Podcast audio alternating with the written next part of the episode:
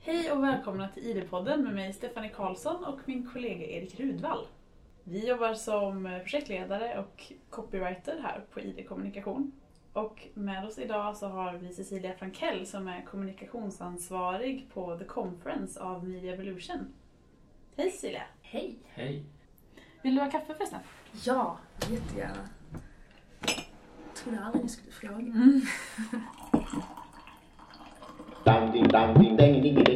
Eh, Media Evolution är ju ett kluster för de som arbetar med kommunikation i Skåne och Blekinge, men också ett hus och en fysisk mötesplats för drygt 130 sådana företag här i Malmö. Och så arrangerar ni The Conference, fem dagar med föredrag, seminarier, workshops och gud vet allt, avsett för alla oss som kommunicerar, särskilt gärna i den digitala världen. I år är det femte året och som vanligt väntar man sig utsålt, fullsatt och festligt för tusen glada biljettinnehavare. Media Evolution har helt enkelt blivit fena på att arrangera event och på att kommunicera runt dem. Och här på ID-podden så undrar vi självklart hur man tänker och agerar när man är expert på just detta. Och dessutom vänder sig till alla er där ute som också är det. Så, hur är det att kommunicera kommunikation, Cecilia? Och jag har nog aldrig sett på det som så att jag kommunicerar kommunikation. Utan vi har ju också en produkt att sälja på sitt sätt. I början tror jag, när jag började, så hade jag ganska mycket respekt för att det här är proffs som jag ska försöka kommunicera med. Men eh, någonstans så jag kom med den här insikten att först vi alla är människor och alla har vi väldigt mycket på våra bord varje dag.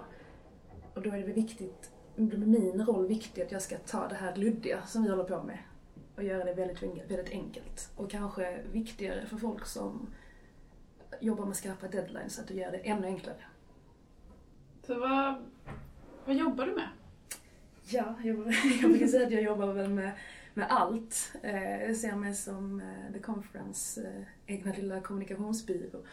Och det handlar såklart främst om kommunikation. Jag planerar upp vårt kommunikationsarbete året om. Utför allting också. Det är alla nyhetsbrev, copywriting till sajten, eh, till sociala medier, till annonsering, till allt. Som sagt, allt är mitt bästa svar på den frågan. väldigt, väldigt roligt är det i alla fall. Mm. Jag får ta finger med allt. Är det likadant med målgruppen, att den är alla eller är den spetsigare? Alltså, den får ju inte lov att vara alla, så är det väl. Men eh, den är ju väldigt bred på så sätt. Men vi brukar säga som så att den gemensamma nämnaren för alla som är där är just kommunikation. Sen om det är kommunikationschef, eller marknadschef, eller en kreatör, eller en utvecklare, eller journalist, eller till och med ja, vad kan det vara, spelutvecklare, bibliotekarie, så är den gemensamma nämnaren om man jobbar med kommunikation. Varför anordnar ni konferensen överhuvudtaget? Har ni en, en agenda? Ja, det, det har vi väl ändå. Det är våra två största, viktigaste grejer med The Conference, som är vår egen drivkraft och som är liksom verkligen vårt why, som vi brukar prata om. Det är, dels är det kunskapsdelning, och sen den andra delen, som egentligen kanske är den allra viktigaste, det är Malmö. Ganska olika, men eh, kunskapsdelning handlar väl om att vi blir något slags eh, omvärldsbevakande organ för Media Evolution, där vi hela tiden läser och lyssnar vad händer liksom i den absoluta framkanten i den digital- digitala utvecklingen och vilken är den nyaste tekniken och vi läser otroligt, otroligt mycket under årets gång för att, i vårt researcharbete. Eh, så vi känner att eh, det är vårt ansvar någonstans att visa, ta hem vad, vad, vad det snackas om Mm. runt om i världen.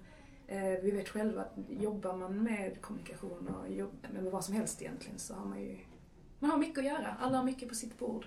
Och kanske inte alltid tar sig tiden till att eh, öppna ögonen och kolla lite större. Man, man fokuserar oftast på just, som är just ditt ämnesområde istället för att zooma ut och kolla på vad händer mer. Och sen om vi då tar det andra målet, att göra bra grejer för Malmö, så blir det att vi försöker vara den här internationella plattformen eh, för vårt community att visa upp sig internationellt. Kan vi få hit fler folk utomlands ifrån, då får också våra medlemmar större möjlighet att knyta kontakter på, an, på annat håll. Märker du någon skillnad på intresset från lokala medier i Öresundsregionen kontra lite högre upp i Sverige? Absolut. Mycket svårare uppe i Stockholm och det är väl liksom att man, vi brukar säga att man måste gå via New York för att eh, de ska vakna där uppe. Det är väl det vi försöker göra nu. Mm. Jag förstår, man, man kanske har budget att åka på en konferens om året. Eh, och då väljer såklart många, du ska välja mellan Barcelona, Cannes, New York och sen så Malmö. Varför ska du åka till Malmö? Det är ju... Kul är dig. Och Ja, det, det förklarar ni ju väldigt bra i allt ert material, alltså kärleken till Malmö. Ja. Malmö, men det är utan tvekan, det är inte bara som vi säger, det är vår största drivkraft. Göra bra grejer för Malmö, det är jätteviktigt. Och vi, det som- Varför det? Varför är det så viktigt? Ja, men vi älskar Malmö. Det finns så mycket potential här, det finns så mycket duktiga företagare och som, eftersom det finns en väldig Stockholmsfokus i branschmedia så tycker vi att det är som någon slags kluster, som- som Evolution är. Det är vårt ansvar liksom att jobba aktivt med att lyfta fram det och göra bra grejer här så att vi kan locka hit folk. Vi som ändå liksom, vi som sitter på det här nätverket och som har så bra koll, är, vi ser det verkligen som vårt ansvar att dra hit folk så de kan se med egna ögon. Det måste finnas en del utmaningar i att planera ett sånt event som äger rum liksom ett år fram. Ni har ju så gott som ett år på er att planera inför nästa konferens. Framförallt så pågår ju researcharbetet under ganska lång tid. När vi släpper biljetter ungefär ett halvår innan konferensen så är ju fortfarande större delen av programmet inte satt. Är det så att, att eh, man liksom sitter i, under våren och säger att vi skulle ha den här talaren och, så går det inte. Ja, men då tar vi henne nästa år istället. Absolut. Jag vet Martin som är den som framförallt researchar och bokar talare. Han har ju en så 300 namn lång lista. Vissa har han ju försökt få hit i fem år. Typ som Robin vill vi ju ha hit, men hon tackar alltid nej. Finns det en rädsla för att ni missar the next big thing eftersom det går väldigt snabbt? ganska mycket som snackas om the next big thing har varit the next big thing i fyra år nu. Vi pratade om wearables för fyra år sedan och vi kommer att prata om det i år igen för att den här anpassningen till att vi faktiskt börjar använda det och någonstans gör mening i hur ska vi använda det. Det här gränssnittet från att vi har tekniken men hur ska det fungera för oss för människor? Hur, hur, hur säkerställer vi att tekniken eh, är meningsfull? för oss som människor. Den går mycket långsammare än vad man kan tro. Det finns en lång lista på namn som alltid är spännande. Men det ska passa också med ämnet. Mm. Passar det inte med ämnet så får du vänta till nästa år. Hur ofta tvingas ni tacka nej för att talarna är för dyra? Nog inte så ofta, men det handlar väl också om att vi är inte så, vi är inte så fokuserade på att hitta de här största stjärnorna. De största namnen. Det är liksom, det är klart det hade varit kul att ha Obama här liksom. Men det är inget egenvärde i sig, utan vi fokuserar på ämnet. Och för oss är det viktigare att vi har flera olika perspektiv på varje ämne, så att inte vi har tre personer som står och säger exakt samma sak. Och det finns väldigt, väldigt mycket kompetenta människor, både här och ute i världen. Så att det har hittills inte varit något problem. Vad är annars den liksom största stötestenen eller där man enklast gör bort sig när man bygger stora event? Om du ska dela Ja. med dig av din erfarenhet, Ja. gör inte så här. Vad är det? Ja, men snarare så, se till att få tid. Tid, tid, tid. Jag kan säga att det är väl det lyxiga att jobba med The Conference framför jag kan tänka mig väldigt många andra, att vi jobbar ett helt år med det här. Väldigt många som har mer, eh, om man ska säga, vinstintressen och sponsorer bakom sig som förväntar sig att få ut någonting. Kan inte alltid ta sig samma tid. Eller kanske inte kräver samma tid. Eh, för tiden är vad som gör att vi kan traggla varenda liten detalj. Och det gör vi verkligen. Vi, har, eh, vi verkligen så försöker leva som vi lär. Förra året på The Conference var det någon som pratade om att man ska prototyping everything. Testa allting. Vi gör verkligen det. Om det är så att vi testar att spilla kaffe på något material som vi ska ha som bord. Eller att vi, nu ska vi ha en ny slogan. Då skriver vi ut, lägger ut i vår reception, eller frontdesk som det heter på Mediolution City. Frågar folk som går förbi. Vad tycker ni om det här? Så det gör vi hela tiden och det är ju, vi har tiden att göra det. Eh, men jag tror det handlar om mycket, jag tycker man ska vara kräsen mot sina beställare. Eh, det är ditt ansvar i slutändan att det blir så bra som du vill. Eh, jobba tight med ditt team, ha liksom koll på vad alla gör. Men vi snackade lite jag och Erik om så här, ja, men vad får man med sig? Konferenser, det är någonting som oavsett bransch många medarbetare tycker om att gå på och man får liksom fortbildning, man får träffa nya människor eh, och någon slags aha-upplevelse under ett par dagar. Mm. Men att Och så går man hem och gör som vanligt. Ja, så kommer man tillbaka till jobbet och så ett måndagsmöte där man berättar att man har varit på någonting kanske Mm. och sen tar det stopp. Hur är The Conference annorlunda? Absolut, det, det är ju något av den kritiken vi har fått. Eh, att det inte är så hands-on. Att det inte kanske är att på måndag går du och gör underverk.